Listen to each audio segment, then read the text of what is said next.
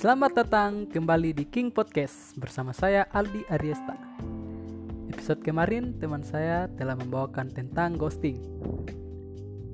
Dan di episode kedua ini kita akan melanjutkan mengenai ghosting lagi.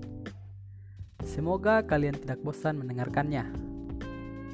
Oke, jadi ghosting sebenarnya bukan fenomena baru dalam hubungan percintaan. Jauh sebelum kata ghosting dikenal, Berlaku meninggalkan orang yang dicintai tanpa ada pesan apa pun. Sering dikonotasikan dengan laki-laki bajingan. Betul tidak?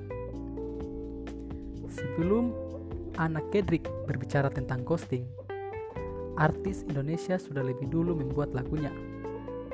Masih ingat dengan lirik lagu Kau Pergi Tanpa Pesan yang dinyanyikan Elia Kadam. Nah, itulah ghosting. Tapi sekarang, ghosting tidak hanya dikatakan pada lelaki bajingan yang tak bertanggung jawab. Wanita pun kerap melakukan ghosting. Menurut survei majalah Elle, perilaku ghosting juga dilakukan oleh wanita dengan porsi sama besar, 50 banding 50. So, please ladies, Jangan menganggap ghosting itu cuma dilakukan pria saja ya.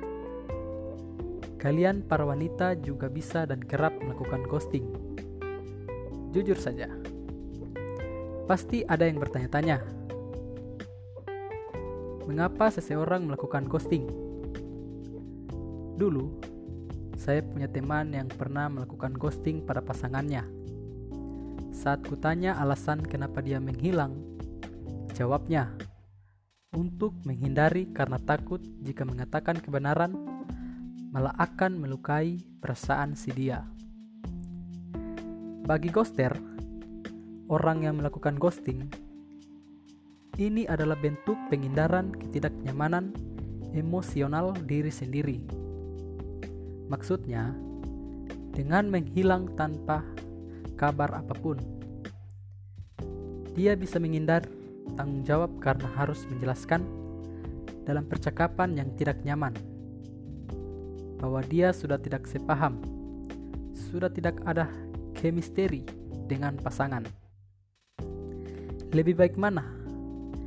Melihat kemarahan pasangan dan melihatnya bersedih, sakit hati karena putus hubungan, atau tidak melihat apa pun, meskipun dalam hati merasa dia pasti akan tersakiti. Orang yang di ghosting, istilah populernya ghosti, sudah tentu sakit hati. Seperti dikatakan Elia Kadam. Adu du du du.